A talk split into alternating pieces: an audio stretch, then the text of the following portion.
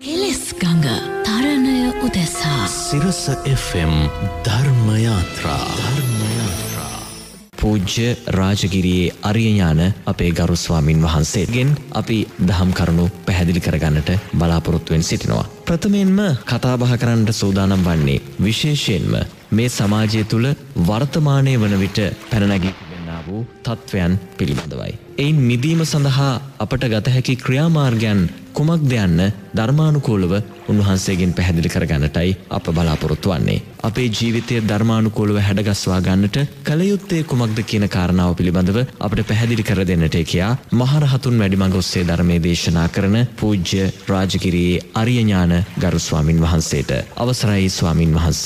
සාධූ සාධූ සාධූ. තෙරුවන් සරණයි මහත්තයෝ පින්වත් මහත්මයා යොමුකරූ ප්‍රශ්නයට බුදුරජන් වහන්සේගේ ධර්මයට අදාළව මතක් කරන්න තියෙන්නේ බුදුරජන් වහන්සේ දේශනා කරනවා සත්වයා කර්මය දායාද කොට ඉපදී කියලා. සත්වයා කර්මය මගේ කොටගෙන ඉපදී කියලා. එනිසා මාත්‍යයෝ නිරේතුරුවම පින්වත් ජනතාව අපේ රටේ වේවා ලෝකය තුළ වේවා මේ වෙලාවේ බලවත් වූ මානසික නොසන්සුන් භාවයන් තුළ පසු වෙනවනම් ඒ සෑම කාරණයකටම එක හේතුව බවට පත්වෙන්නේ අපිම පටිච්ච සමුපන්නව කරගත්තා වූ අකුසල් විපාකයන්ගේ පලය කියලයි බුදු දහමට අදාළව බුදුරජාන් වහන්සේගේ ධර්මයට අදාළව අපිට මතක් කරන්න.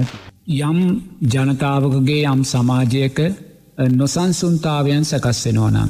මානසික පීඩනයන් මානසික හිංසනයන් සකස් වෙනවනම් ඉන් අදහස් වෙන්නේ ඒ සමාජය තුළ සම්මා සමාධිය දුර්වලයි කියන කාරණය. සම්මා සමාධිය දුර්වලයි කියන්නේ පංචනීවරණ සහිත සමාජයක් පංචනීවරණ සහිත ජනතාවක් ජීවත් වෙනවායි කියන කාරණය. තට පංචනීවරණ සහිතයි කියන්නේ කාමච්චන්ද ව්‍යාපාද තීනමිද්ද උද්දච්චකු කුච්ච විචිකිච්චාවන්ගෙන් ගහන තත්ත්වයක් අපේ ජීවිත තුළ ඇතිවුණොත් අපේ මානසික සංවිදීම අපේ චිත්ත විසුද්ධිය සිතේ තියෙන්න්න වූ සංවරභාවය අපෙන් ගිරිහිලා යනු. එනිසා ඒව සුන්දර හේතු පලතුළින් අසුන්දර සමාජයක් නිර්මාණය වෙලා තිබ්බත් ඒ අසුන්දර සමාජය තුළින් අපි දකින්නේ සුන්දර ධර්මයක් කියන කාරණය මතක් කරන්න ඕන. ඒ සුන්දර ධර්මය තමයි සම්මා සමාධිය දුර්වල වනානම් අනිවාර්යෙන් ඊට හේතු හැටියට බුදුරජන් වහන්සේ දේශනා කරන්නේ සම්මා සතියේ දුර්වල භාවය.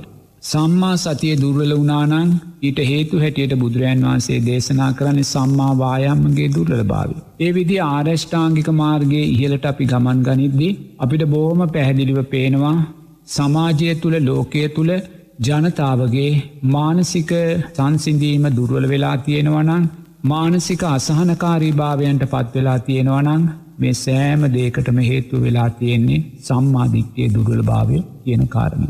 තොර සම්මාධිත්‍යය දුර්වල වෙන්නත් හේතුවක් තියෙනවා ඒ සම්මාධිත්‍යය දුර්වල වෙන්නේ කල්්‍යාන මිත්‍රාශ්‍රය සද්ධර්ම සවනය නුවනින් මෙනී කිරීමේ දුර්වල භාවයන් නිසා. එනිසා මේ මොහොතේ සමාජය තුළ කොයිසා අපි අකමැති තත්ත්වයන් නිර්මාණය වෙලා තිබ්බත් ඒ සෑම අකමැති තත්ත්වයකටම මූලික හේතුව බවට පත්වෙන්නේ කල්්‍යාන මිත්‍රාශ්‍රයත් සද්ධර්ම සවනයක් ඒ සද්ධර්මය නුවනින් මෙනෙහි කරලා උතුම් සම්මාධීත්‍යාර්ථයන් ජීවිතයට එකතු කර ගැනීමට තියෙන අදක්ෂභාවය කියන කාරණයයි මේ උදෑසන පිංවතුල්ලාට සීපත් කරන්න ඕනි.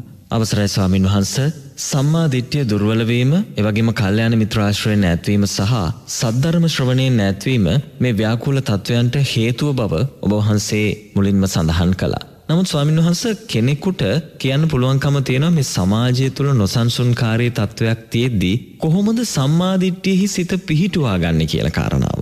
මෙන මේ සඳහා මේ වෙලාවේ පවතින මානසික නොසන්සුන්කාරී තත්ත්වය අඩුකර ගැනීම සඳහාත් කළ හැක්කේ කුමක්ද කියලා ඔබහන්සේගෙන් පැහැදිලි කරගන්නට අවශ්‍යය ගරු ස්වාමින් වහන්ස.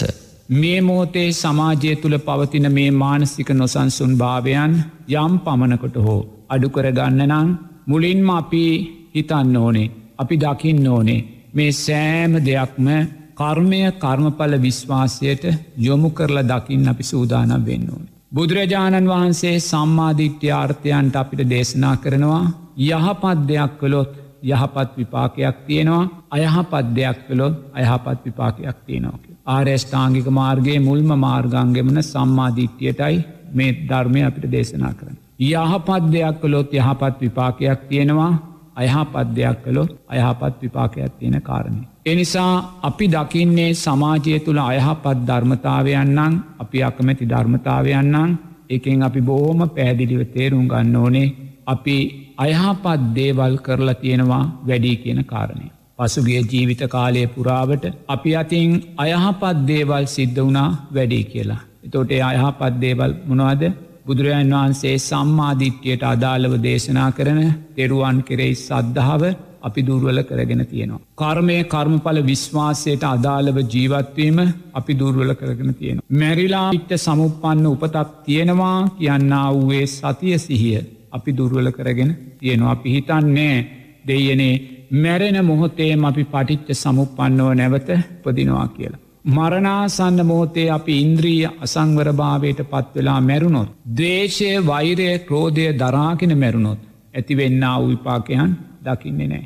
ඒ නිසා අපිට පේනවා සමාජය තුළ බලවත් ආකාරයෙන් ලෝබදේශමෝහයන් ඇතිකරගෙන ජීවත් වෙනවා. මහපාරට ගියත් පැට්‍රොල් පෝලින් දිහා බැලුවත් ඩීසල් පෝලින් දිහා බැලුවත් ගෑස් පෝලින් දිහැ බැලුවත් සමාජය තුළ තියෙන්න්නාව මේ ආර්ථික අහේනිය දිහැ බැලුවත් මේ සෑම තැනකදිම ජනතාව ආවේග ශීලීව බලවත් ආකාරයෙන් අකුසල් කරන දිසාාවකටයි ගමන් ගන්න මොකද කර්මය කර්මඵල විශ්වාසය පටිච්ච සමුපන්න උපත පිළිබඳ විශ්වාසයන් අසීය නිසාම අමතක වෙලා ගිහිලතියෙන්.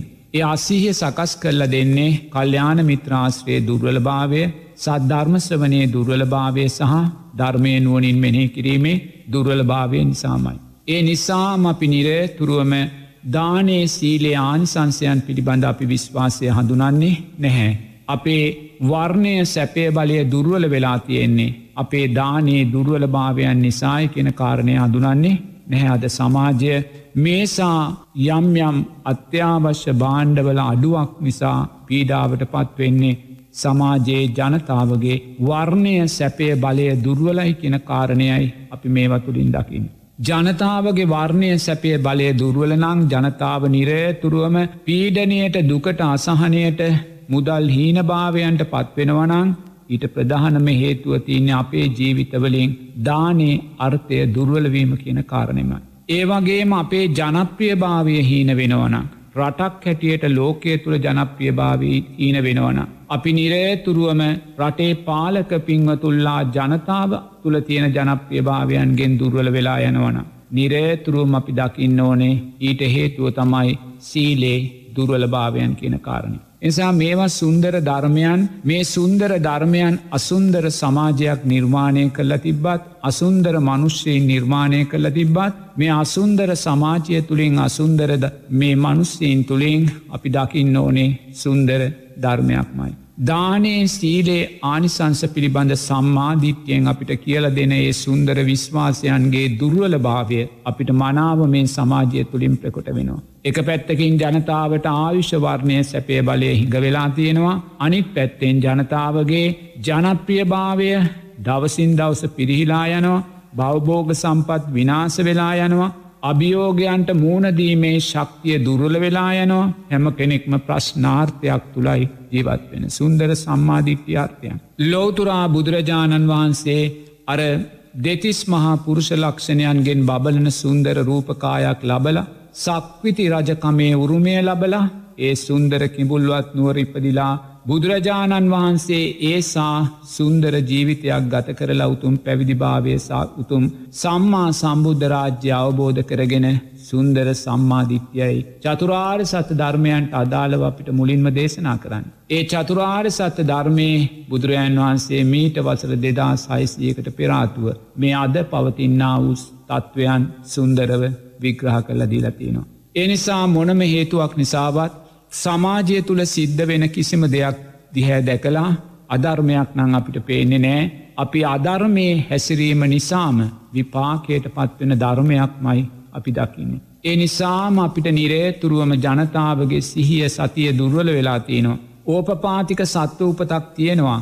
ඒ වගේම දෙවියෙක් බ්‍රක්්මයෙක් වෙලා අපිට ඉප දෙන්න පුළුවන් ප්‍රේතෙක් නිරිසතෙක් වෙලත් අපිට ඉප දෙන්න පුළුවන්. නමුත් මනුස්ස සමාජය බලවත් ආකාරයෙන් ඉන්ද්‍රී අසංවරභාවයන්ට පත්වනොත් මානසික අසහනයන්ට පත්වනොත් සීලේ දුර්වල භාවයන්ට ආවේක සීලී භාවයන්ට පත්වනොත් අපේ පටිච්ච සමුපන්න උපත ප්‍රේත ලෝකයට නිරයට අසුරලෝකයට යකෙක් යක්ෂණයක් වෙලා අපිට ඉප දෙන්න පුළුවන්. කේන්ති ගිහිල්ල ඉන්න වෙලාවක අරගල කරන වෙලාවක උද්ඝෝෂණ කරන වෙලාවක මරාගෙන මැරෙනවාමතාවයන් හිතේ දරාගෙන ඉන්න වෙලාවක අපි මොනයම්මෝ අනතුරකින් මිය පරලවගියොත් ඒ ජීවිතය පටිච්ච සමුපන්නව යකෙක් යක්ෂණයක් වෙලා උපදින්න පුළුවන්. තොට සමාජය හදන්න ගිල්ල සමාජය නිවැරදි කරන්න ගිහිල්ලා සමාජය හැදුනෙත් නෑ ජනතාව නිවැරදිවුනෙත් නෑ අවසානයේ අපිට සිද්ධ වුණා යකෙක් යක්ෂණයක් වෙලා ඉපදෙන්. දැම් පහුගිය කාලය අපි දැක්කන සමාජය තුළ අප්‍රමාණ මිච්චා වාචාවන් කතාවෙනවනේ සමාරු කපුටුකා කපුටුකාක්ගේ කියා කිව් අපිට මතකයි අපි එවැනි දේවල් කියලා අපිට මරණාසන්න මොහොතේ ඔය කපුටුකාක් කියන වචනය සිහිපත් වනොත් ඊළඟ ජීවිතේ පටිච්ච සමුපන්නව කපුටෙක් වෙලා අපිට ඉපදෙන්න පුළුවන්. ඒසා භයානක ධර්මතාවයන් සංස්කාරයන්ට අදාළව පටිච්ච සමුපන්නව සිද්ධ වෙන්න පුළුවන්. අනුන්ගේ සොරකම් නිසා අනුන්ට වචන පට බැඳලා අවසානයේ මරණාසන්න මොහොතේවා අපිට සිහිපත් වෙලා අපි ගිහිල්ලා පක්ෂී ලෝකයේ කපුටෙක් වෙලා ඉපදිලා ඊට පස්සේ අපි ජරාවකමින් ජීවත් වෙන. ජීවත්ත සිටින අය ජරාව හැටියට කෑවෙ මුදල් වංචා කළේ මුදල් නමුත් ඒවා නිවැරදි කරන්න අපි කපුටුකා කියන්න ගිහිල්ලා අවසානය අපිට කන්න සිද්ධ වෙන්නේ සැබෑම ජරාවයි පක්ෂිලෝක ඉපදිලා. එනිසා එවැනි බරපතල වූ අනතුරක් පටිච්ච සමුපන්නව මේ සංස්කාර ලෝකය තුළ සිද්ධ වෙනවා. එනිසා නිරේ තුරුව දක්ෂ වෙන්න ඕනේ මෙවැනි ව්‍යාසනයන් ඉදිරියේ සම්මාධිට්්‍ය අර්ථයන් තරන් සුන්දර ධර්මයක් සුන්දර විසඳුමක් තවත් තියෙන්න විදිහක් නැහැ. ඒ නිසා ආගම්බේදයකින් තොරව බෞද්ධ ක්‍රස්තියානි හින්දු මුස්ලිම් කියන බේදයන්ගෙන් තොරව මේ සම්මාධිට්්‍ය ආර්ථයන් ජීවිතයට අප එකතු කරගත්තොත් දැන් ක්‍රස්තියානි ජනතාවට තෙරුවන් කරේ සද්ධා වැති කරගන්න කියන්න අපිට බැහැ. නමුත් තෙරුවන් කරේ සද්ධාව කියන කාරණය පැත්තකින් තියලා අන්‍ය ආගම්මොල ජනතාවටත් පුළුවන්කම තියෙනවා කර්මය කර්මඵල විශ්වාසයට අදාළව හිතන්න යහපත් දෙයක් කළොත් යහපත් විපාකයක් තියෙනවා අයහපත් දෙයක් කළොත් අයහපත් විපාකයක් තියෙනවා කියලා අයහපතින් මිදිලා යහපත තුළ ශක්තිමත් වෙන්න. අන්න ආගිමික පිංහතුල්ලාටත් පුළුවන් අපේ පින්වත් බෞද්ධ ජනතාවටත් පුළුවන්. අනේ මැරුණාට පස්සේ නැවත මට පටිච්ච සමුපන්න උපතක් තිබෙනවායි කියලා හිතලා මංගේ පටිච්ච සමුපන්න උපත සතර අපායකට නං අරගෙන යන්නේ නැහැ කියලා හිතලා නිරේතුරුවම යහපත් පටිච්ච සමුපන්න උපතකට අදාළව සීලය තුළ ජීවත්වෙන්න කුසල් ධර්මයන් තුළ ජීවත්වෙන්න මෛත්‍රී ධර්මයන් තුළ ජීවත්වෙන්න දානමය චේතනාවන් එකතු කරගෙන ජීවත්වෙන්න. ඒ වගේම අපිට පුළුවන් නිරේතුරුව මේ දානේ සීලේ ආනිසංස ගැන හිතලා දන් දුන්නොත් තමයි අප වර්ණය සැපේ බලය ලැබෙන්නේ. ඒ වගේමයි සිල් රැක්කොත් තමයි අපේ ජනප්‍රිය භාවය වැඩිවෙන්න කියන ධර්මතාවයන් ජීවිතයට එකතු කරගන්න ආගම්බේදයක් අවශ්‍ය වෙන්නේ නැහැ. අම්මා තාත්තාගේ ගුණයන් පිළිබඳ විශ්වාසය අප ඇති කරගන්නවා. අපි දකින්න ඕනෙ පටිච්ච සමුපන්නව මේ මනුස්ස ලෝකෙ ජීවත් වෙන සෑම කෙනෙක්ම අපේ අම්ම කෙනෙක්මයි. අපේ තාත්ත කෙනෙක්මයි. අපේ දරුවෙක්මයි අපේ පටිච්ච සමුපන්න ඥාතිවරෙක්මයි. අදා ප්‍රමාණ එකිනෙකා චෝදනා කරගන්නවා. එකිනෙකාට බැනගන්නවා එකිනෙකාට ගරහනවා එකිනෙකාට අප්‍රමාණ ආවේගසීලී භාවයන් ඇති කරගන්නවා. නමුත් අපි මොහොතක් හිතන්නේ නෑ අනේ මේ පුද්ගලයන් පෙරජීවිතේ මගේ මම්ම කෙනෙක් පෙරජීවිතේ මගේම තාත්ත කෙනෙක් පෙරජීවිතේම මගේ දරුවෙක් මුණුබුරෙක් කියලා අපි හිතන්නේ නෑ සම්මාධිත්‍යයෙන් බැහැර වෙලා. සමහර විට අපි චෝදනා කරන පින්වතා අපි පහර දෙන පින්වතා අපි මරාදාන පින්වතා අපි වාහනයක් ඇතුළෙ දාලා ගිනි තියෙන පින්වතා අපි බේරෙ වැවට බස්සන පින්වතා පෙරජීවිතේ මගේම තාත්ත කෙනෙක් වෙන්න පුළුවන් මගේම අම්ම කෙනෙක් වෙන්න පුළුවන් මගේම දරුවෙක් මගේම ඥාතියෙක් වෙන්න පුළුවන්. නමුත් ඒ දැක්මාදාපෙන් ගිලිහිලා ඒ දැක්මාපෙන් බැහැර වෙලා ඇයි ඒ දැක්මා පෙන් බැහැර වුණේ ඒ දැක්මා පෙන් බැහැර වුණේ සම්මාධිත්‍ය අපේ ජීවිතවලින් බැහැරවෙච්ච නිසාමයි. පටිච්ච සමුපන්න මේ මනුස්ස ලෝකයේම ජීවත්වෙන්නේ අපේම පටිච්ච සමුපන්න ඥාතිීන්න කියන කාරණය අපේ සිතුබිලිවලින් බැහැරවෙච්ච නිසාමයි එනිසා මේ සුන්දර උදෑසන ඔබ දෑස් දෙක පියාගෙන මොහොතක් දකින්න මේ මනුස්ස ලෝකයේ මේ අපේ රටේ ජීවත්වෙන සෑම මනුස්සෙක්ම රටේ ජනාධිපතිතුමාගේ පටන් රටේ ජීවත්වෙන පුංචිම දරුවා දක්වා ඒ සෑම කෙනෙක්ම සිහිපත් කරන්න. පක්ෂ බේදයෙන් ජාති බේදයෙන් ආගම් බේදයෙන් කුලබේදයෙන් තොරව මුළු රටේම ජනතාව සිහිපත් කරන්න දෑස් දෙක පියාගෙන දකින්න මේ මුළු රටේම ජීවත් වෙන ජනතාව පටිච්ච සමුපන්නව මගේ අම්ම කෙනෙක්මයි. පටිච්ච සමුපන්නෝ මගේ තාත්ත කෙනෙක්මයි. පටිච්ච සමුපන්නෝ මගේ ඥාතියෙක්මයි. පටිච්ච සමුපන්නෝ මගේ දරුවෙක්මයි. පිංහතුනේ ඒ පටිච්ච සමුපන්න ඥාතිත්වය ඉදිරියේ කවදාක්වත් අපිට කෙනෙකුට අතෝසවන්න බැහැ. කෙනෙකුට වචනයෙන් හිංසා කරන්න බෑ කෙනෙකුට කායිකව හිංසා කරන්න බෑ කෙනෙකුට කොල්ලක් කරම් පාරක් ගහන්න බෑ කෙන්නෙකුට අතින් පහරක් ගහන්න බැහැ තව කෙනෙක් මරව් කොටව් කියලා අපිට ආවේග සීලීව අපිට කෑගහන්න බෑ පිංහතුනී මොකද පටිච්ච සමුපන්නව අපි සියල්ලම ඥාතීන් පිංහතුනේ අපි දක්ෂවීතුයි ලෝකය උපයෝගී කරගෙන අපි දුකෙම්මි දෙන්න. බුදුරජාණන් වහන්සේ අපිට ලෝකය උපයෝගී කරගෙන අපි දුකෙන් මිදෙන ගමනකුයි අපිට මතක් කරලා තියෙන්නේ. එනිසා නිරේතුරුවම ඔබදක්ෂ වෙන්න. ඔබේ ජීවිතයෙන් සම්මාධිත්‍යය අර්ථයන් ජීවිතයට එකතු කරගන්න පිංහතුනි ලොකු කාලයක් අපිට ජීවත් වෙන්න නැහැ. තව ඔබට අවුරුදු දහයක් විස්සක් තිහක් හතලියක් වෙන්න පුළුවන් ජීවත් වෙන්න ඉත්‍රි වෙලා තියෙන්නේ පිංහතුනි ඒ ඉතිරි කාලය තුළ ඔබ අධිෂ්ඨානයක් ඇතිකරගන්න චිත්තයක් ඇතිකරගන්න විදර්ශනා නුවන අපි පැත්තකින් තියමු.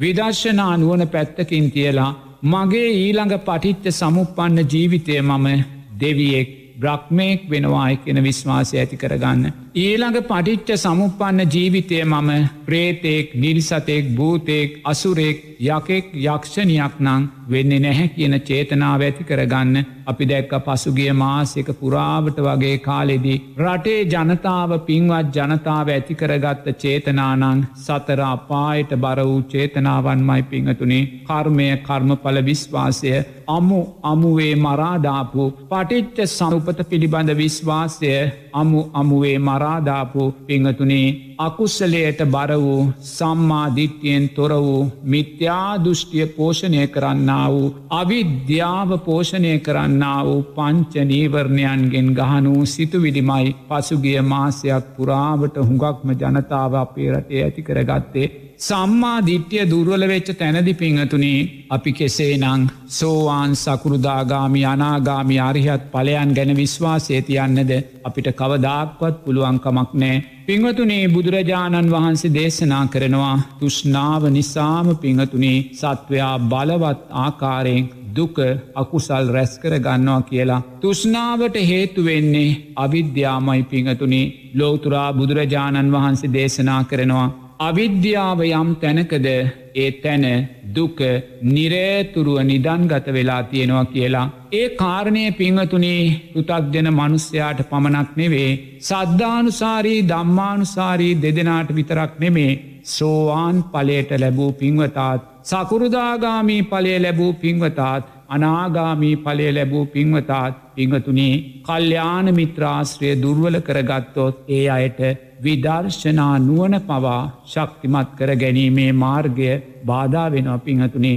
එදා උතුම් සෝවාන් පලේ සාක්ෂාත් කරගත්ත විසාකා උපාසිකාව පිංහතුනේ බුදුරජාණන් වහන්සේ ළඟට ගිහිල්ලා වරහතක් ඉල්ලනවා භාග්‍යවතුන් වහන්ස මට සංඝයාට නිති බත් දෙන්න සංඝයාට නිති කැඳ දෙන්න සංඝයාට නිති ගිලන් බත දෙන්න සංඝයාට නිති වැසි සලු දෙන්න සංඝයාට නිති අවෂද දෙන්න භාග්‍යවතුන් වහන්ස මට මේ වරහත දෙන්න කියලා. බුදුරජාණන් වහන්සේ වරහත දෙනවා විසාකා උපාසිකාවට බලන්න පිංහතුනේ සෝවාන් පලයට පත්වුණු විසාකා උපාසිකාව විදර්ශනා නුවන නෙමේ වඩන්න උත්සහ ගත්තේ. ඇය පංචුපාදානස්කන්දේ අනිත්‍ය භාවය දැකලයි හිටියේ. ඇය අච්චල සද්ධාවට සීලය ආර සීලයක් හැටියට ඇය තුළ වැඩිලයි තිබ්බේ. නමුත් පිංහතුනේ කාම රාග පටිග සහිත ඒ සෝවාන් ජීවිතය කැමති වුණේ තව තවත් කාමයන් තුළ ජීවත් වෙන පිංහතුනේ. ඇය උත්සාහගත්තේ නෑ තව දුරටත් පංච උපාදානස්කන්දේ අනිත්‍ය භාවය දැකලා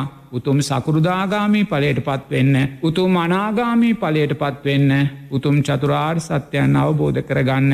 ඇය සෝවාන් පලයට අවුරුදු හතවැනි වියේදි පත්වනාත් පිංහතුනී ඇය කාම සම්පත් කෙරෙයි ඇලිලා ජීවත් වනා ඒ මානිත්‍ය වශයෙන් දැක්කාත්. ඒ නිසාමයි බුදුරජාණන් වහන්සේගෙන් එවැනි වරහතක් ඇඉල්ලන්නේ එයි පිංහතුනේ සෝවාන් පලයට පත්වන පින්වතා තුළත් අවිද්‍යාව හේතුවෙන්ම තුෂ්නාව තියෙනවා පිංහතුනේ. ඒ තුෂ්නාව ඒ අවිද්‍යාව එදා විසාකා උපාසිකාවට ඉඩ දුන්නේ නෑ ඒ ජීවිතේදී උතුම් සකෘදාගාමී පලයට පත්වෙන්න.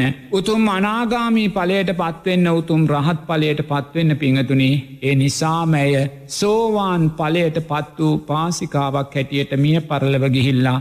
සෝවාන් පල අවබෝධය ලැබූ දිව්‍යාංගනාවක් වෙලා උපත්තිය ලබනවා පිංහතුනී පේනවාද අවිද්‍යාවේ තරම පේනවාද අවිද්‍යාව නිසා සකස් වෙන්න වූ තුෂ්නාවේ තරම උතුම් සෝවාන් පලය සාක්ෂාත් කළත් පිංහතුනේ භවයට ඇති කැමැත්ත භවයට ඇති තුෂ්නාව ඇතුළ නිදන්ගත වෙලා තිබ්බ පිංහතුනේ. ඒ වගේ මයි සකෘදාගාමී පලයට පත්වෙච්ච කෙනාත් කැමති වෙන්නේ සමහරයින්නවා සකෘදාගාමීට පත් පලයට පත් වනත් මේ ජීවිතය උතුම් චතුරාර් සත්‍ය අවබෝධ කරන්න කැමති නැහැ. එයා උත්සාහගන්න තවත් ආත්ම භාව දෙකක් පටිට්ට සමුපන්නවෙයි ඉපදිලා නිවන්න අවබෝධ කරගන්න. වරක් ලෝතුරා බුදුරජාණන් වහන්සේ ළඟට සාමීන් වහන්සේ නමක් කෙනවා ඇවිල්ල කියනවා භාග්‍යවතුන් වහන්ස මම උතුම් අනාගාමී පල අවබෝධය ලබලා ඉන්නේ. එකන කාම රාගපටිගයන් මම නිරෝධය කරලා ඉන්නේ භාග්‍යවතුන් වහන්සේ බලනවා ආශ්‍රයන්සය කිරීම දකින ඥානයෙන් එම ස්වාමීන් වහන්සේ අනාගාමී පලට පත්වෙලාද කියලා. බුදුරජාණන් වහන්සේ දකිනෝ මේ සාමීන් වහන්සේ නියත වශයෙන් මනාගාමී පලට පත්වෙලා ඉන්න කාමරාගපටිගයන් නිරෝධය කරලා ඉන්නේ බුදුරජාණන් වහන්සේට මේ ස්වාමීන් වහන්සේ කියනවා භාග්‍යවතුන් වහන්ස මම අනාගාමී පලට පත් වනත් මම මේ ජීවිතේ නිවන් අවබෝධ කරගන්නේ නැහැ. මම් බලාපොරොත්තු වෙන්නේ ඊළඟ පටිච්ච සමුප්මන්න උපතෙදී අනාගාමි බ්‍රහ්මතලයක ඉපදිනා ඒ අනාගාමී බ්‍රහ්මතලය තුළදී නිවන් අවබෝධ කරගන්න කියලා. ඒ වෙලාවෙ බුදුරජාණන් වහන්සේ දේශනා කරනවා මහන අසූචි බිඳත් එකම ගඳක් මයි. අසූචි කන්දත් එකම ගඳක් මයි එනිසා මේක ආත්ම භාවය කෙරේ තින තුෂ්නාව ඔබ බැහැර කරන්න. ඒකම එක ආත්ම භාවය නාව තුළත් තියෙන්නේ අවිද්‍යාවේ ගඳමයි කියලා. ඒ වෙලාවෙ පිංහතුනේ ඒ අනාගාමී පල අවබෝධය ලැබෝ සාමීන් වහන්සේ තවදුරටත් පංචු උපාදානස්කන්දය අනිත්‍ය භාවය දැකලා පිංහතුනේ ඒ ජීවිතේදීම උතුම් චතුරාර් සත්‍ය ධර්මයන් අවබෝධ කලා බුදුරජාණන් වහන්සේ කල්්‍යාන මිත්‍රයා වෙනවා. එනිසා පින්වත් ඔබ තේරුම් ගන්න ඕනේ අනාගාමී පුද්ගලයාටත් කල්්‍යාන මිත්‍රාශ්‍රය අවශ්‍යයි. සද්ධර්ම ස්වනය අවශ්‍යයි නුවනින් මෙනෙහි කිරීම තවදුරටත් අවශ්‍යයි නැත්තං ඒ අනාගාමී පුද්ගලයාත් එක ආත්ම භාවයක් ප්‍රමාද වෙන්න පුළුවන්. සකුරුදාගාමී පින්වතාටත් කල්්‍යාන මිත්‍රාශ්‍රය අවශ්‍යයි. සද්ධර්මස්වනය අවශ්‍යයි නුවඩින් මෙනෙහි කිරීම අවශ්‍යයි ඒම නොවනොත් ඒ සකුරුදාගාමී පින්වතා තවත් ආත්ම භාව දෙකක් බවගමනේ ප්‍රමාද වෙන්න පුළුවන්. ඒ වගේමයි සෝවාන් පලයට පත් වූ පින්වතාටත් කල්්‍යාන මිත්‍රාශ්‍රය අවශ්‍යයි සද්ධර්මස්වනය අවශ්‍යයි නුවනින් මෙනෙහි කිරීම අවශ්‍යයි එහෙම නොවනොත් ඒ සෝවාන් පලයට පත්වන පින්වතා ඉතිරි ආත්මභාව හතම මේ බව ගමනේ ජීවත් වෙන්න කැමති වෙන්න පුළුවන් පිංහතුනේ බලන්න අවිද්‍යාව මතු කරල දෙනානතුර.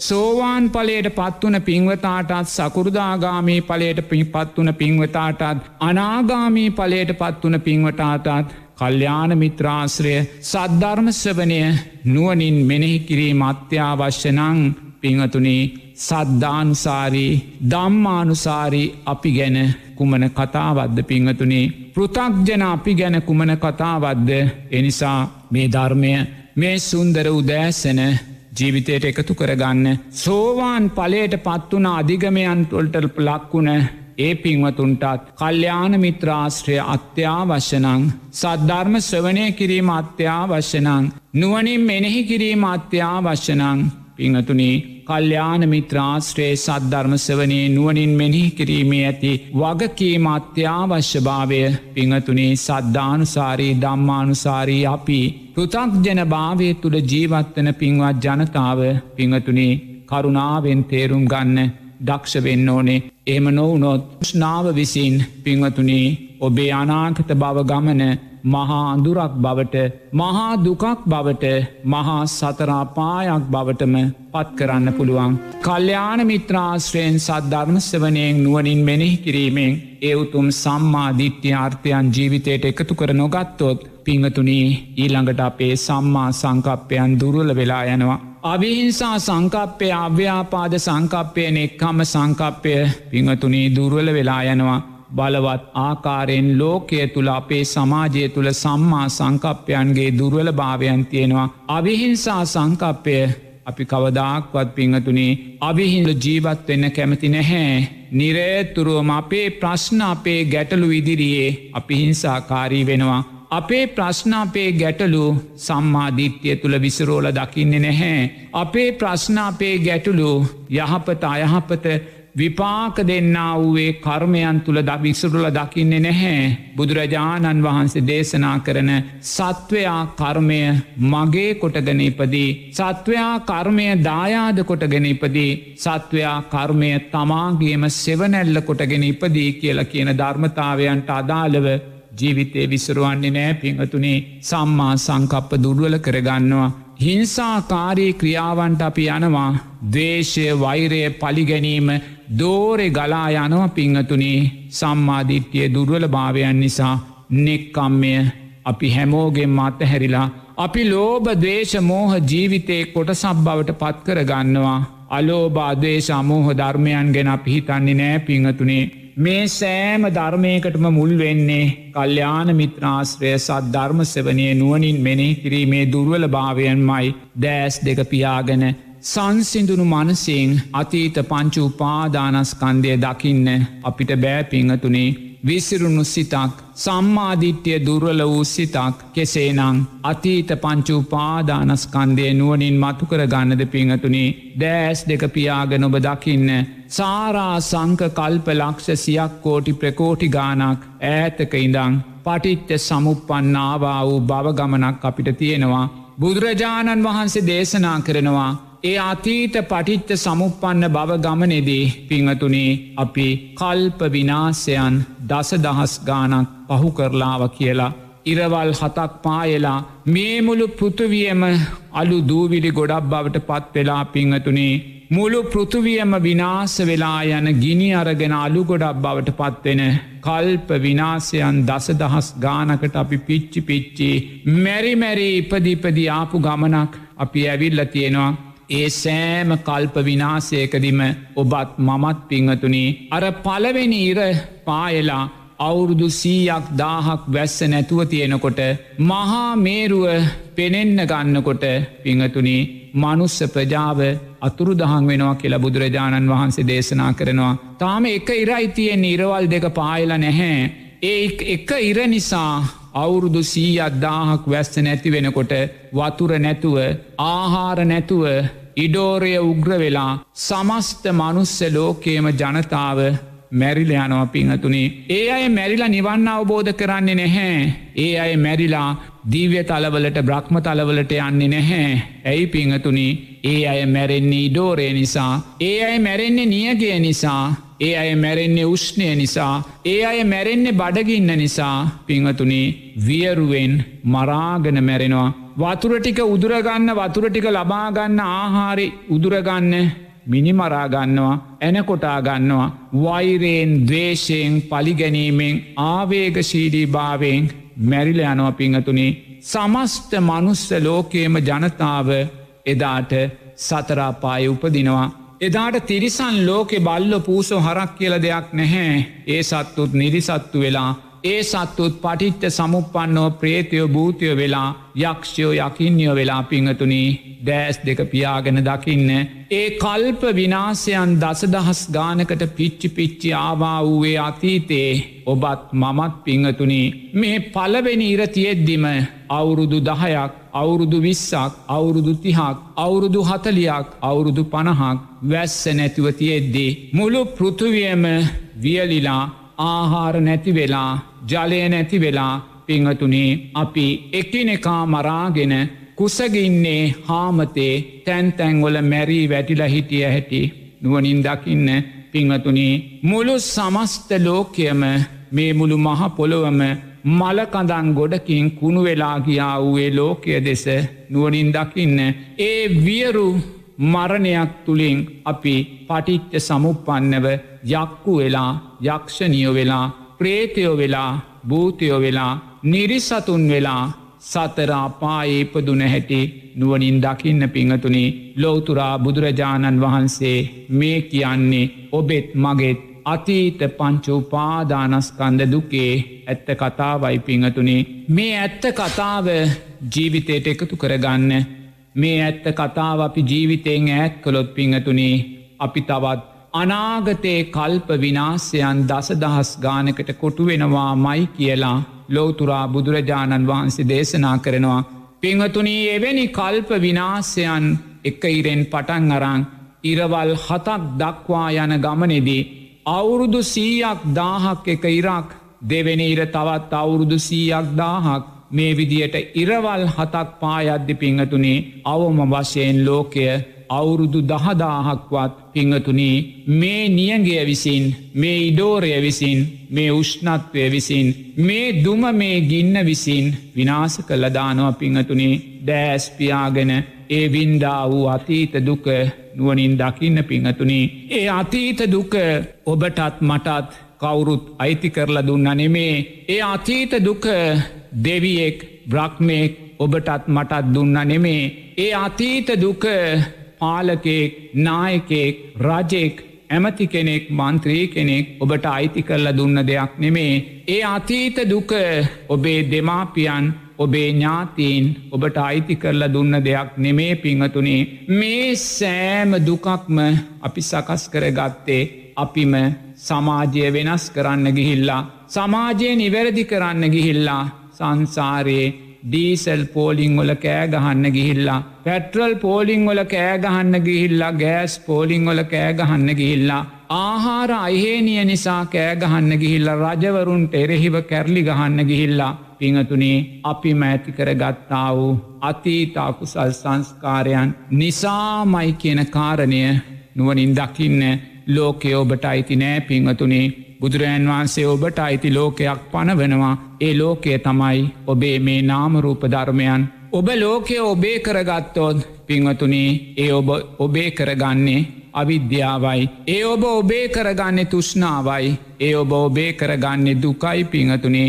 එනිසා බුදුරජාණන් වහන්සේ දේශනා කරනවා. මෙන්න ලෝකය ඔබේ මේ නාමරූප ධර්මයෝ මේ පංච උපාදානස්කන්ද ලෝකයයි ඔබේ ලෝකය පිංහතුනේ. ඔබේ මේ පංච උපාදානස්කන්ද ලෝකය තුළින් මේ සම්මුතු ලෝකය දෙස බලලා මේ සම්මුති ලෝකය තුළ සිදුවෙන්න වූ විනාසයන් දිහැ බලලා පිංහතුනේ මේ ලෝකෙන් විදෙන ධර්මයකුයි බුදුරජාණන් වහන්සේ අපිට දේශනා කල්ලා තියෙන්නේ. එනිසා පිංහතුනේ සම්මාධිත්‍ය ආර්ථයන් දුරල වෙච්ච තැන ඒතු වෙන කල්්‍යයාන මිත්‍රාශ්‍රය සත් ධර්මස්වනය නුවනින් මෙනෙහි කිරීම දුර්වල වෙන තැන සම්මා සංකප්පයන් දුර්ල වෙනස් පිංහතුනේ අවිහිංසා සංකප්පය අභ්‍යාපාද සංකප්පය නෙක්කම සංකප්පය දුර්වලවීම නිසාමයි කල්ප විනාසයන් දසදහස් ගානකට ඔබටත් මටත් කොටුවෙන්න සිද්ධ වනේ පිංහතුනේ. එනිසා සම්මා සංකප්පයන් ගැන බොහෝම සිහිනුවනින් ඉන්න ඔබේ වචනකින් කාගේ හෝ හිතක් රිදෙනවනං අනේ වචන කියන්නේ පා පිංහතුනි. මොකද මේ පසුගිය සතිය පුරාවට කුඩා දරුවන් දහ දෙනෙකුට වඩා තරුණ දරුවන් කීප දෙනෙක්ම මල්ලඟට ඒ දෙමාපියන් අරංආවා ඇයි? එගොළන්ගේ කතා කිරීමේ දුර්වලතාවයන් තියෙනවා පිංහතුනේ කුඩා වයස්සෙදිම ඉපදුන වයස්සෙදිම තරුණ වයසෙදේත් කතා කිරීමේ දුර්වලතාවයන් තියෙනවා. කතා කිරීමේ දුර්වලතාවයන් සකස් වෙන්නේ ඇයි පිංහතුනේ පෙරජීවිතේ මිච්චා වාචාවන් කලා ඔබ හිතන්න අවුරුදු තුනක දරුවෙක්කින්නවා අවුරුදු පහක දරුවෙක්කින්නවා ඒ අවුරුදු පහේ දරුවා අපිළඟට ගෙනල්ල කියනවා ස්වාමින් වහන්සේ දරුවා තාම කතා කරන්නේ නෑ කියලා. ඒ කතා නොකරන දරුවා තුළින් මම දකින්නේ රෝගයක් නෙමේ පිංහතුනේ අසනීපයක් නෙමේ මම දකින්නේ ධර්මයක්. මොකක්දේ ධර්මය? මේ වසර පහක් වයස ඇති පුංචි දරුවා මීට වසර හයකට පෙරාතුව මේ මනුස්ස ලෝකේම සුන්දර මනුස්සෙක් පිංහතුනේ සුන්දර මනුස්සෙක් හැටියට ජීවත් වෙලා මිච්චා වාචාවන් සිද්ධ කළා. මුසාවාදා පිසුනාවාචා පරුසාවාචා සම්පප්පලාපයන් සිද්ධ කලා පිංහතුනි ලෝකය නිවැරදි කරන්න. සමාජය නිවැරදි කරන්න ජනතාවට සතුට දෙන්න මේ හේතුන් නිසාම පිංහතුනේ බලවත් මිච්චා වාචාවන් සිදු කරලා ඒ මිච්චා වාචාවන් නිසාම අපි ඊළඟ පටිච්ච සමුප්පන්න ජීවිතයේදී කතා කිරීමේ දුර්වලතාවයන් සහිතව අපි ඉප දෙනවා පිංහතුනේ හේතු පලධර්මයන් දැන් ඔබ බලන්න. පසුගිය මාසය දෙක පුරාවට අපේ රටේ කොයි සානං මිච්චා වාචාවන් සිද්ධ වනාද පිංහතුනේ වචනයෙන් කොච්චර මිච්චා වාචාවන් සිද්ධ කර ගත්තද ඔය මුහුණු පොත්තරහා මාධ්‍යයන් හරහා කොයිසා මිච්චා වාචාවන් සිද්ධ කර ගත්තද ඒ මිච්චා වාචාවන් සිද්ධ වනේ සම්මා සංකප්පයන්ගේ දුර්වල භාවය නිසාමයි. ඒ සම්මා සංකප්ප දුර්වල වනේ සම්මාධිත්‍යයේ දුර්වල භාවයන් නිසාමයි. ඒ සම්මාධිට්්‍යය දුර්ල වනේ කල්්‍යාන මිත්‍රාශ්‍රය සද්ධර්මසවනය නුවනින් මෙනෙහි දුර්වල භාවය නිසා මයි පිංහතුනේ එනිසා නුවනින් දකින්න සිහිනුවනින් දකින්න මේ සුන්දර උදෑසන මේ වැඩ සටාන ශ්‍රවණය කරන මොහොත පිංහතුනේ මිච්චා වාචාවන්ගේ තියෙන භයානක භාවය පසුගිය මාස කීපය තුළා අපේ රටේ සිදූ මිච්චා වාචාවන් නිසා පිංහතුනේ ඉදිරි කාලේ තව අවුරුදු දහයක් විස්සක් තිහක් යද්දේ අපේ රටෙත් කතා කිරීමේ අපහසුතාවයන් සහිත දරුවන් ගේ බිහිවීම වේගෙන් වැඩිවෙන්න පුළුවන් පිංහතුනේ. විශේෂෙන්ම මේ මුහුණු පොත්වල පලවෙන්න වූ දේවල් නිසා ජනතාව ඇතිකරගන්නා වූ ආවේගශීලී භාවයන් නිසා මිච්චා සංකප්පයන් මිච්චා දිට්ටී නිසා පිංහතුනේ සමාජය අනාගත මනුස්ස සමාජය තුළ බලවත්තාකාරයෙන් කතා කිරීමේ දෝසයන් රෝගීභාවයන් සහිත දරූපත් සිද්ධ වෙන්න පුළුවන් පිංහතුනේ ඔබ නුවනින් දකින්න. ඔබ හිතන්න ඔබ වසර පහක් වයසති පුංචි දරුවෙක් කියලා. වසර දාහයක් වයසැති දරුවෙක් කියලා. වසර පහළුවක් විස්සක් වයසැති තරුණ දරුවෙක් කියලා. පිංහතුනේ සත්තකින්ම ඔබට කතා කිරීමේ අපහසුතාවයක් ඇති වුණොත් කතා කිරීමේ බාධාවන් සකස් වුනොත් ඔබේ වචන තව කෙනෙකුට ප්‍රියභාවෙන් ප්‍රකාශ කරන්න ශක්තියක් නැති වුණොත් පිංහතුනි ඔබට මොන තරන් දුකක්ද? එය මොන තරන් පීඩාවද්ද එය මොන තරන්නං ඔබට අසහනයක්ද? ලෝකය හදන්න ගිහිල්ලා ඔබ වැරදිකරුවෙක් වෙන්නේ පා පිංහතුනි ලෝකය හදන්න ගිහිල්ල ඔබ දණ්ඩනයට ලක්වෙන්නේ පා අවිද්‍යාව හදන්න පුළුවන් දෙයක් නෙමේ පිංහතුනේ අවිද්‍යාව හේතුවෙන් තිවර කරන පංච නීවරණයෝ හදන්න පුළුවන් දෙයක් නෙමේ. මාර්ගය තුළ ගමන් කරලා නිවැරදි කරගන්න තියෙන දෙයක්. එනිසා ඔබ සමාජය තුළ වරදක් දකිනවනං පිංහතුනේ ඒ වරද නිසා ඔබ පටිට්ට සමුපන්නව දුකට පත්වෙන්න විනාසයට පත්වෙන්නේ පා කියන කාරණය මේ උදෑසන පිංහතුල්ලාට සිහිපත් කරනවා. සම්මා දිට්ටි තුළින් සම්මා සංකප්පයන් තුළින් සම්මා වාචාවන් තුළින් අපි මේ උතුම් ධර්මතාවයන් දුර්වල කරගත්තොත් අපේ සම්මා කම්මන්තයෝ දුර්වල වෙනවා පිංහතුනේ. අපි මනුස්ස හිංසනය සිද්ධ කරනවා. ඒ වගේ මයි අපි කාමේ වරදවා හැසිරීම් සොරකම් සිද්ධ කරනවා පිංහතුනේ සුන්දර හේතු පලධර්මයන් කොයිසා මනුස්ස හිංසනයන් අද සිද්ධ වෙනවාද පිංහතුනේ. මනුස්සය කොයිසා සමාජය තුළ මානසිකව කායිකව හිංසනයන්ට ලක්වෙනවද සමාජයට තේරෙන්නෑ පිංහතුනේ. රටේ පින්වත් නායක පින්වතුල්ලාට පින්වත් ඇමති තුමල්ලාට පින්වත් මන්ත්‍රී තුමල්ලාට තේරෙන්නෑ පිංහතුනේ ජනතාව කොයිසා මානසික පීඩනයක් හිංසනයකට ලක්වෙලා තියෙනවද කියලා. අරාහිංසක ජනතාව ඩීසල් පෝලිංවල පෑගණන් රස්තියාදු වෙද්දී. අර පැට්‍රල් පෝලිංවල ගෑස් පෝලිංවල ස්වස්තියාදු වෙද්දී කඩේට ගිහිල්ල බඩුවක් ගන්න හද්දී පපුුව දාලයද්දි පපුුව පිච්චෙද්දී. කඩේ තියෙන බඩුව ගන්න බැරුව මිලදී ගන්න වත්කමක් නැතුව හුල්ල හුල්ලා ගෙදරෙද්දී පිංහතුනේ කොයිසා මනුස්ස හිංසනයන් සිද්ධ වෙනවාද සිහිනුවනින් දකින්න වර්තමාන රජය වර්තමාන නායකින් වර්තමාන පාලකින් සෑම නිවේශකදිම පිංහතුනේ බලවත් මානසික හිංසනයන් සිදු කරමිනුයි ජීවත් වෙන්නේ මේ නිවැරදි වෙන්නයි නොදන්නා භාවය නිසා කරන වැරදිවලින් නිවැරදිවීම උදෙසා පමණක්මයි භික්ෂුව මේ දේවල් මතක් කරන්නේ විවේචනය උදෙසානන් නෙමේ. එම නැතුව දවේශයකින් වෛරයකින් ක්‍රෝධයකින් නෙමේ බුදුරජාණන් වහන්සේගේ ශ්‍රාවකයා වැරද්දක් පෙන්නල දෙන්නේ මෛත්‍රියෙන්මයි කරුණාවෙන්මයි. ඒ වරද යහපත් ආකාරයෙන් විසඳා ගැනීම උදෙසාමයි බුදුරජාණන් වහන්සේගේ ශ්‍රාවකයා යම් ධර්මයක් යම් තත්ත්වයක් විග්‍රහ කරන්නේ. එනිසා භික්‍ෂුව නැවතත් කියනවා මේ මොහොතේ රජය බලවත් ආකාරයෙන් මානසික හිංසනය කියන කාරණය. ඒ කියන්නේ පංච සීලේ පලවෙනි සිල්පදය දුර්වල කර ගනිමින් ඉන්න පිංහතුනි එනිසා සමාජය යහපත් වෙන්න නං සමාජයේ අලි නැගී සිටින්න නම් පිංවතුනි අනිවාර්යෙන්ම රජයත් මේ ධර්මතාවයන් තේරුම් ගන්න වෙනවා පිංහතුනි සම්මා කම්මන්තයන් තුළින් අපිට කියන පලවෙනි සිල්පදය පිංහතුනි මනුස්ස හිංසනය. ඒ වගේමයි පින්වත් ජනතාවත් තේරුම් ගන්න ඕනේ රජයේ පාර්ශවයෙන් මනුස්ස හිංසනයන් සිද්ධ වෙද්දී ඔබේ යුතුකම වියයුත්තේ ඔබත් පෙරලා මනුස්ස හිංසනයට යාමනේ මේ පිංහතුනි බුදුරජන් වහන්සේ දේශනා කරනවා රූපය මාරයා කියලා. රූපය මාරයාණන් රූපය ඇසුරෙන් සකස් වෙන පස්ස වේදනා සංඥා සංකාර විඤ්ඥානයෝ මාරයාමයි පිංහතුනේ එනිසා මේ සුන්දර ධර්මය මේ සුන්දර උදෑසන ඔබේ ජීවිතයට එකතු කරගන්න රූපය මාරයා හැටියටම දකින්න ආවේග ශීලී භාවයෙන් පසුවෙන රූපයක් දැක්කොත් මාරයා හැටියටම දකින්න විරෝධතා දක්වන රූපයක් දකිද්දෙත් මාරයා හැටියටම දකින්න අනේ මේ රූපය නිසා මාතුළ සම්මා සංකප්ප දුර්වල වෙන්න පුළුවන්. මාතුළ සම්මා වාචා සම්මා කම්මන්තයෝ සම්මා සති සම්මා සමාධිමේ ධර්මතාවයන් දුර්වල වෙන්න පුළුවන්.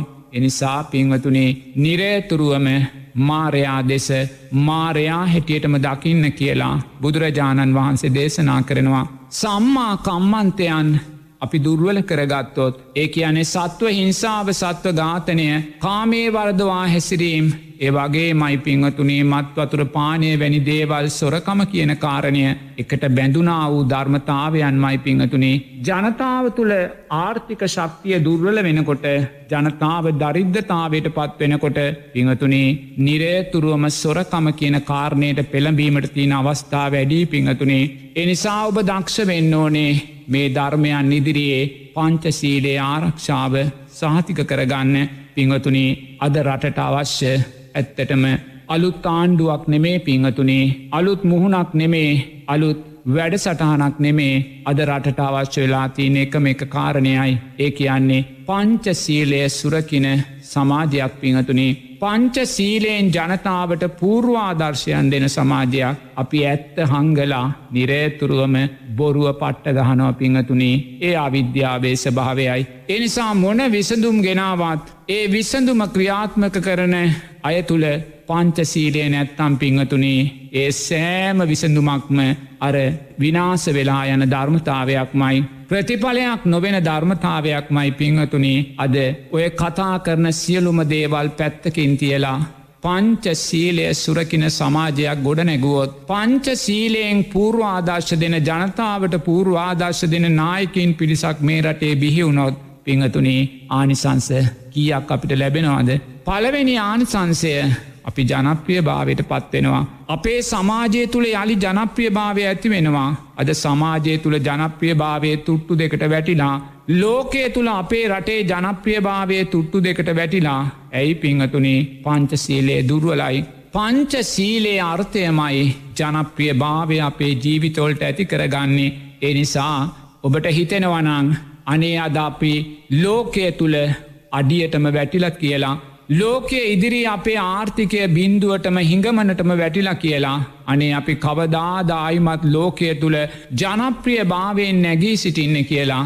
පිංහතුනේ ආණ්ඩු මාරු කිරීම මූුණු මාරු කිරීම නෙමේ ඔබ කළ යුත්තේ. ඔබ උත්සාහ කළ යුත්තේ ඔබ කැපවිය යුත්තේ.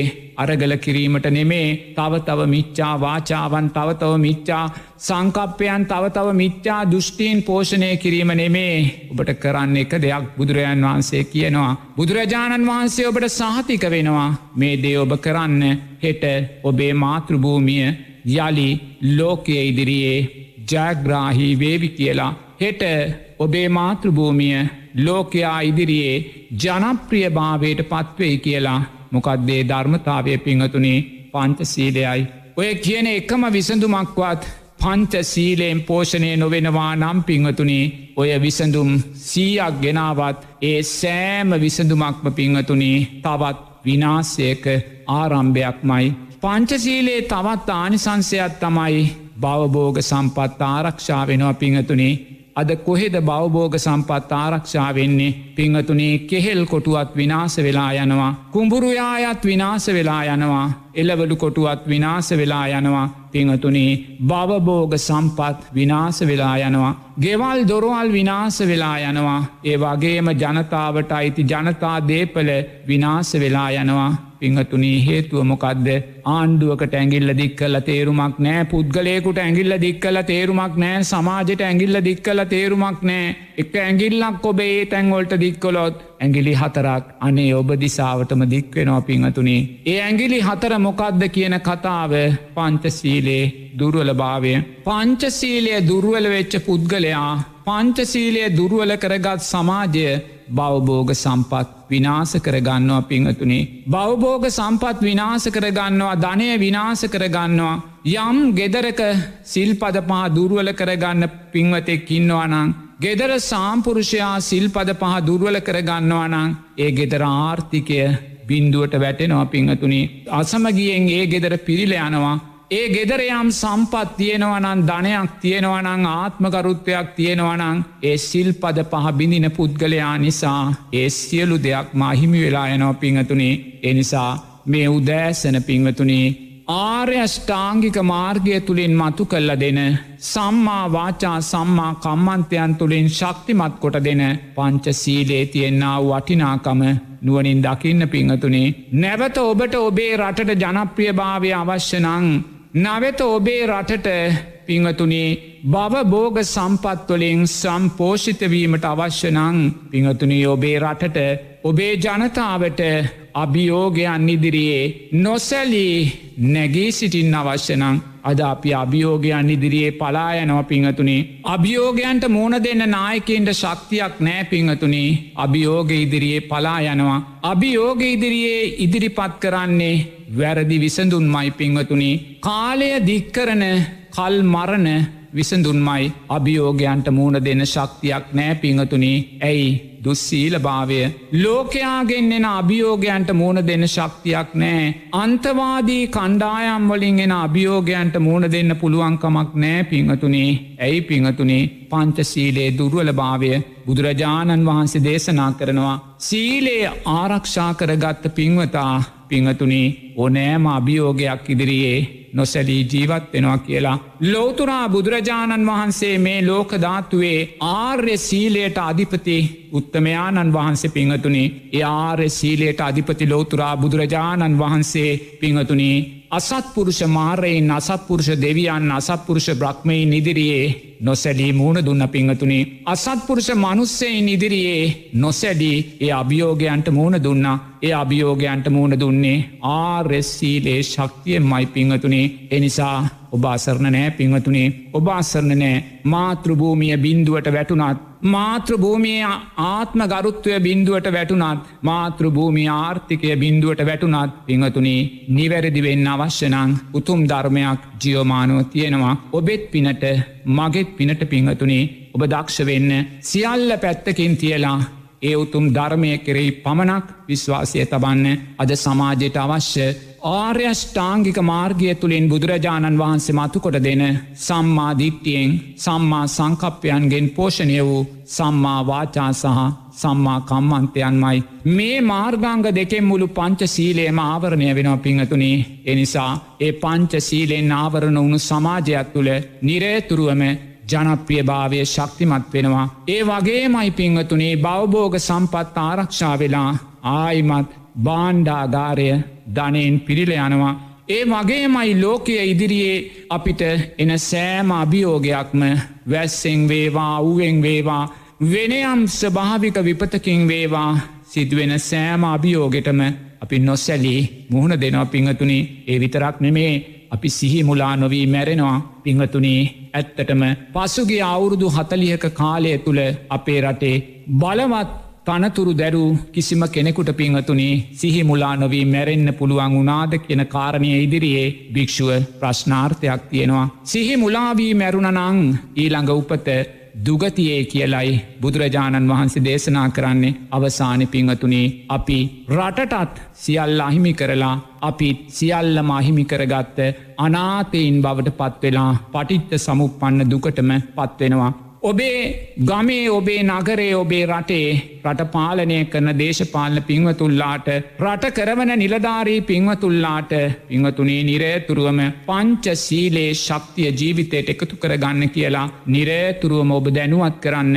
ඔබ කළයුතු සැබෑම උද්ඝෝෂණය ඔබ සැබ කළයුතු සැබෑම අරගලය ඔබ කළයුතු සැබෑම ව්‍යස්ථා වෙනස පිංහතුනේ පංච සීලයෙන් පිරුණු සමාජයක් කියන අර්ථයමයි. ඒ පංච සීලය ඔබේ ජීවිතය තුළින් සමාජයටම පූර්වාදර්ශයන් දෙන අර්ථයක් මයි කියලා මේ සුන්දර උදෑසන පිංහතුල්ලාට මේ සුන්දර වැඩ සටහනෙන් භික්‍ෂුව සිහිපත් කරනවා. අද මේ වැඩසටහනෙන් මෙතෙක් වේලා අපේ ස්වාමින් වහන්සේ ඔබට පැහැදිලි කළේ ඔබේ ශීලය ශක්තිමත් කර ගැනීමෙන් ඔබට මේ තිබෙන අර්බුදකාරී තත්ත්වෙන් මිදිය හැකි ආකාරය පිළිබඳවයි. නමුත් ස්වාමින් වහන්ස මේ ශීලය නිවැරදිව ආරක්ෂා කරනවාද කෙනෙක සම්බන්ධව සමාජය තුළ බරපතල කතාබහක් මතු වෙලා තිබෙනවා. බොහවිට සිදුවන්නේත් සිල්රැකීමේ මුවාවෙන් ශීලයෙහි අර්ථයන් බිඳ දැමීමම තමයි. මෙන්න මේ කියන කාරණාව පිළිබඳව අපිට මනාව පහදා දෙන ලෙස ඔබවහන්සේට නැවතත් ගෞරුවෙන් ආරාධනා කරනවා. අවසරයි ස්වාමින් වහන්ස. මාත්‍යව අපි මේ වැඩසටහන පුරාවටම එ මුල් කොටසේ සාකච්ඡා කළේ සීලේ තින වටිනාකම. සීලය ගැන කතා කරද්දි අපි මතක් කරන්න ඕනෙ විශේෂයෙන්ම ආර්යෂ්ඨාංගික මාර්ගය තුළ පංච සීලය පමණක් නෙමේ අපි වාවරණය කරන්නේ ආජීවාට්ටමක සීලයෙන්ම අපි වාවරණය කරනවා. එනිසා යම් පින්වතෙක් මේ ජීවිතය උතුම් සෝවාන් පල අවබෝධයන් අර්ථවත්ව සාක්ෂාත් කර ගන්නනං ඒ අර්ථවත්ව සාක්ෂාත් කරගන්න උත්සාහ කරන පින්වතාගේ සීලය ආජීවාට්ටමක සීලය වෙන්න ඕනේ. මොකද ආර්යෂ්ඨාංගික මාර්ගයේ පස්සනි මාර්ගාන්ගේ බවට පත්වෙන්නේ සම්මාජීවයයි පිංහතුනි. සම්මාවාචා සම්මාකම්මන්තෝ සම්මාජීවෝ මේ සීලයට අදාළ මාර්ගාංග තුන සෝවාන් පලේට මේ උතුම් අධිගමයන්ට අදාළ සීලේ ශක්තිය අපිට ලබල දෙනවා. ඒ වගේම අපිට පේනව පිංහතුනේ අපි ආජීව අට්ටමක සීලය ගැන කතා කළත් පංච සීලය ගැන කතා කළත් අද සමාජය තුළ බලවත් ආකාරයෙන් සීලේ අර්ථයන් බිඳිල යනෝ පිංහතුනි. සීලේ අර්ථයන් රැකුණ තැන ඒ සීලය රැකෙන්නේ සීලේ ආස්වාදය උදෙසාමයි. සම්මා සතිය සම්මා සමාධිය උදෙසායේ සීලේ යොමුුවෙන්නේ නෑ පිංහතුනේ ඒ වගේම යම් ජීවිතයක සීලය දුරුවල නං සීලයට වටිනාකමක් නොලබෙනවා නම් පිංහතුනයේ ජීවිතය තුළ සම්මා සංකප්ප දුර්වල වෙලායනවා. සම්මා සංකප්ප දුර්වල වෙච්ච ජීවිතය තුළ සම්මාධිට්ටිය දුර්වල භාවය ගැන අපි අමුතුවෙන් කතා කරන්න අවශ්‍ය නෑ පිංහතුනේ අද අපිට සමාජයේ දෙස බලද්දි පේනවා. අපේ සමාජය තුළ සම්මාධිට්්‍ය අර්ථයන් කොයි තරන්නං දුර්වල වෙලාද කියලා. තෙරුවන් කෙරෙයි සද්ධාව. ලෝතුරා බුදුරජාණන් වහන්සේට ධර්මරත්නයට සංගරත්නයට දක්වන්නා වූ ගරුත්වය පිංහතුනේ බලවත් ආකාරයෙන් දුර්වල වෙලා තියෙනවා. ඒ දුර්වලවීම නිසාම කර්මය කර්මඵල විශ්වාසය දුර්වල වෙලා යනවා. පටිච්ච සමුපන්න නැවත උපත පිළිබඳ විශ්වාසයන් දුර්වල වෙලා යනවා. තෙරුවන් කෙරෙයි සද්ධාව දුර්වල වුණු සමාජයක සමස්ත ආර්යෂ්ඨාංගික මාර්ගයම පිංහතුනේ එකම මිච්චා මාර්ගයක් බවටයි පත්වෙන්නේ. ඔබට පේනව ඇති සමාජයේ දෙස බලද්දී. දැම් වර්තමානයේ පිංහතුනේ පසුගිය මාසකීපය තුළ මහා සංගරත්නයට බලවත් ආකාරයෙන් කායික පීඩාවන් මානසික පීඩාවන් සිද්ධ කරනවා. අපිට අහන්න ලැබිල තියෙනවා අපිට සමහර පිංවතුල්ල ගෙනල්ල වීඩියෝ පට පෙන්නෙනවා ස්වාමීන් වහන්සේලාට පරුස වචනයෙන් බයිනවා. ස්වාමීන් වහන්සේලාට අප්‍රමාණ දොස් කියනවා පින් බතා කියනවා. ඔබලා මේ රට විනාස කලා කියනවා ශාසනය විනාස කලා කියනවා. ඔබලා අපත් සමඟ පෙළපාලියන්න එන්න කියනවා. මේ වගේ පිංහතුනි සංඝයාගේ සුපටිපන්න ගුණේ ගැන නොදන්න. සංඝයාගේ උජුපටිපන්න ගුණේ ගැන නොදන්න. සංඝයාගේ ඥාය පටිපන්න ගුණේ සාමීචි පටිපන්න ගුණේ ගැන නොදන්න.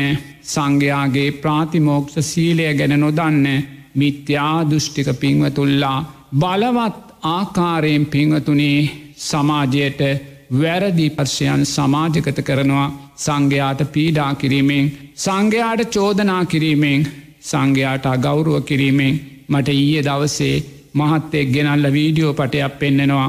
අපේ ජීවිතේ ජීවමාන ලෝතුරා බුදුරජාණන් වහන්සේ හැටියට අපි ගරු කරන රුවන්වැලි මහා සෑසමුදුන් වහන්සේට මුල් කරගෙන බලවත් සංග සමාජයට කරන චෝදනාවක් පිළිබඳ වීඩියෝ පටයක් මට ඒ මහත්තෙක් ගෙනල්ල පෙන්න්නනවා පිංහතුනි. ඒ වීඩියෝ පටයෙන් බලවත් ආකාරයෙන් රුවන්වැලි මහා සෑයි නායක සාමීන් වහන්සේට ශ්‍රීමා බෝධීන් වහන්සේ නායක සාමීන් වහන්සේට සංගරත්නයට චෝදනා කරනවා අපහාසයන් කරනවා ඒ වගේමයි ඒ උතුම් සංගරත්නයට අපහාස කරද්දි පිංහතුනේ බලවත් ආකාරයෙන් මිත්‍යා දෘෂ්ටීන් ඒ අය ඔසවා තබනවා.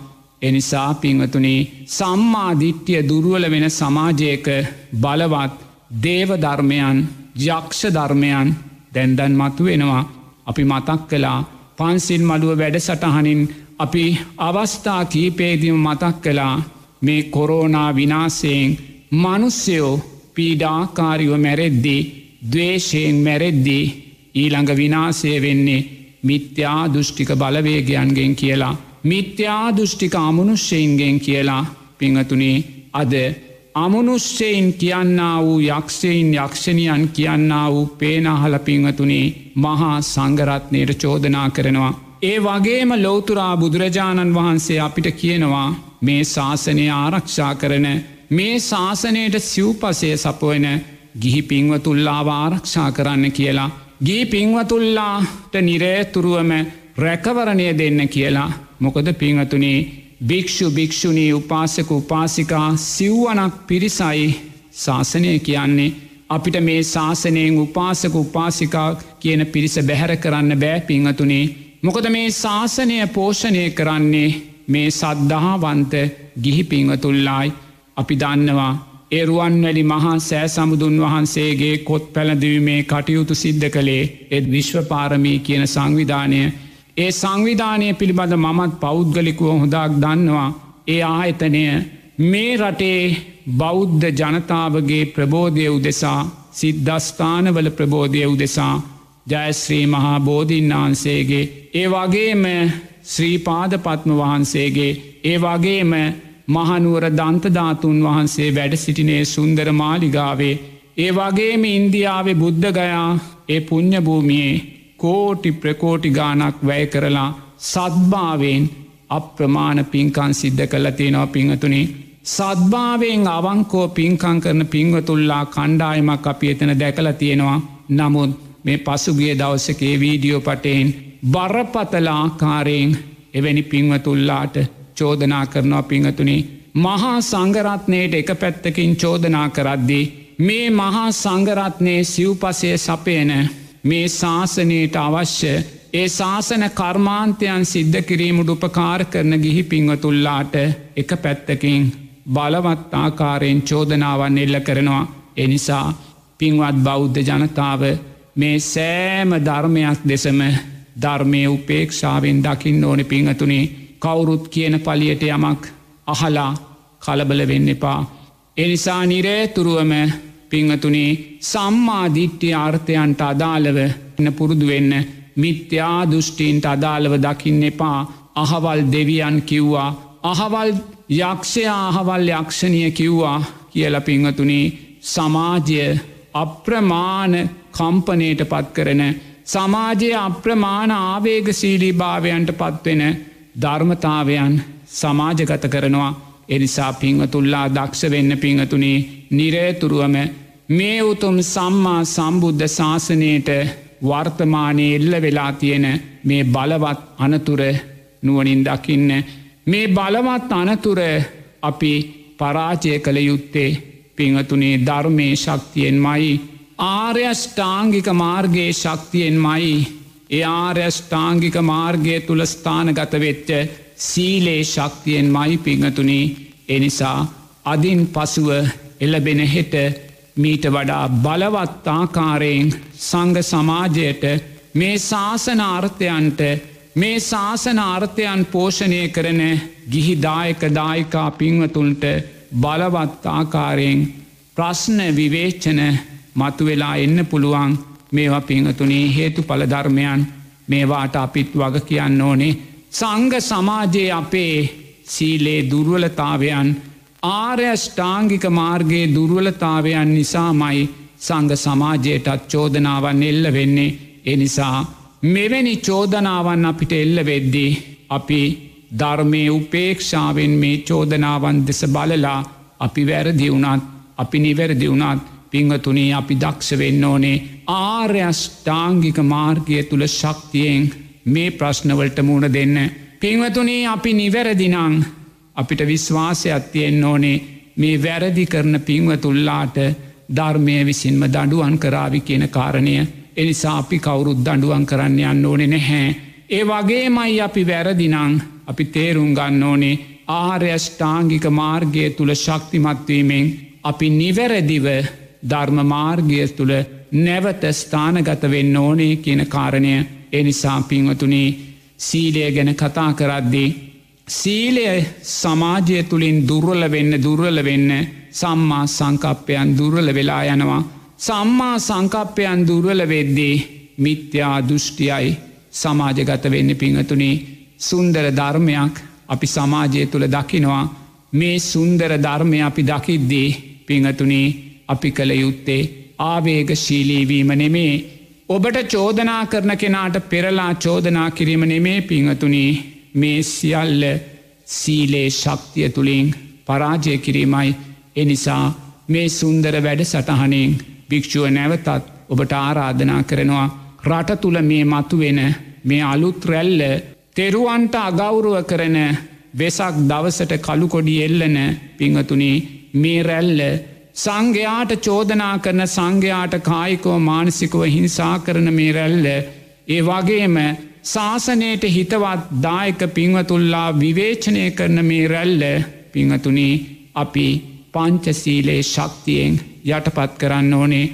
එනිසා සිරස ගුවන් විදුලිය ඔබට ඉදිරිපත් කරන මේ වැඩ සටහනෙන් ඔබට අපේ පිරිසිදු දෑත් දික් කරනවා කරුණා කරලා පිංහතුනේ මේ මග ඔස්සේ පංචසීලය ආරක්ෂා කරගෙන අද පටන් පෙළගැසෙන්න මේ ගොඩනැගෙන තෙරුවන් නුදෙසා විනාසකාරී රැල්ල අපිට පරාජය කළ යුත්තේ පරාජය කළ හැක්කේ උතුම් පංචසීලේ ශක්තියෙන් පමණක්මයි කියන කාරණය පිංහතුල්ලාට මේ මොහොතේ ගෞරවයෙන් සීපත් කරනවා. අවසරයි ස්වාමින් වහන්ස ඔබ වහන්සේ මේ මතු කරපු කාරණාව මේ රුවන්වැලි සෑය පිළිබඳව ස්වාමින් වහන්සේලා පිළිබඳව නැගෙන්න්නා වූ මේ විවිධ මතිමතාන්තර මේවා සම්බන්ධ වෙන්න කෙලින්ම මිත්‍යා දෘෂ්ටියත් එක්ක.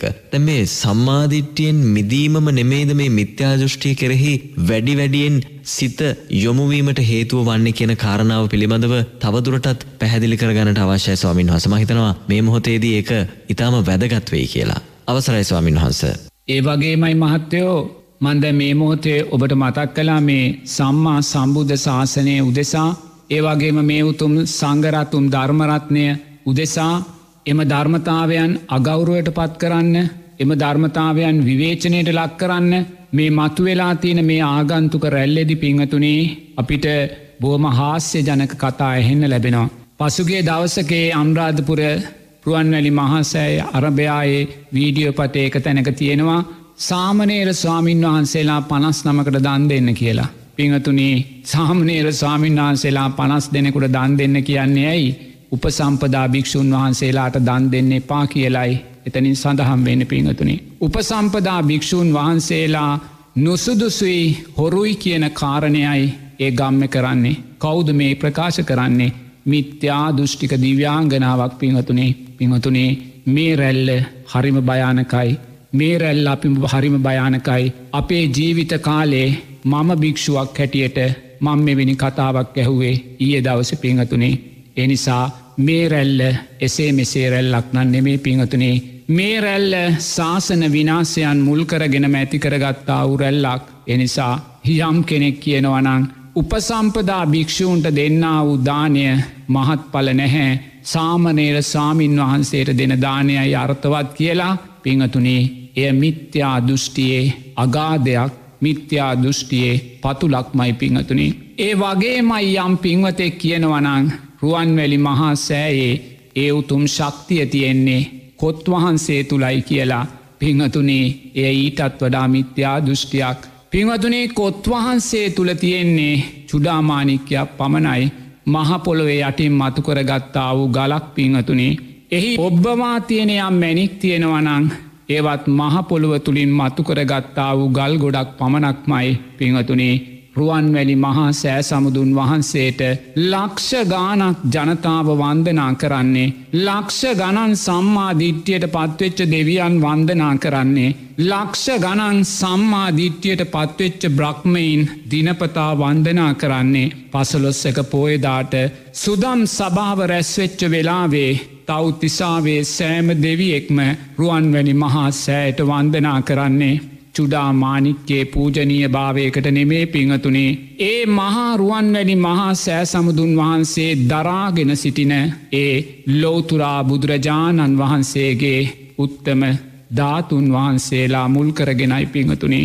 මේ මොහොතේ ජීවමානෝ වැඩ සිටින ඒ උතුම් ධර්මරත්නය මුල් කරගෙනයි බලන්න. ඒ උතුම් ධර්මරත්නය පැත්තකට දාලා ඒ උතුම් ජීවමාන බුදුරජාණන් වහන්සේගේ ඒ උතුම් පූජනීය වන්දනීය ධාතුන් වහන්සේලා පැත්තකට දාලා ඒවත් දෙවැනි තැනට දාලා මහපොලවෙන් මතු කරලා ගන්න ගල් කැටේකට පූජනීයත්වය අපි ආරෝපනය කරන්න හදනවනං පිංහතුනේ මේවා බලවත් මිත්‍යා දෘෂ්ටික ධර්මතාවයන්න කියන කාරණය පිංහතුල්ලාට බොහෝම ගෞරවෙන් මතක් කරනවා. එනිසා මේ වාහලා පිංහතුනී ඇසුනා කියන තැනින් නවතින්න. මේවා හිතට දැනෙද්දී දැනුනා කියන තැනින් නවතින්න ඉං එහාට යන්න එපා පිංහතුනේ. ඔබේ පස්සේ තුෂ්නාවෙන් තෙත් කරන්න එපා.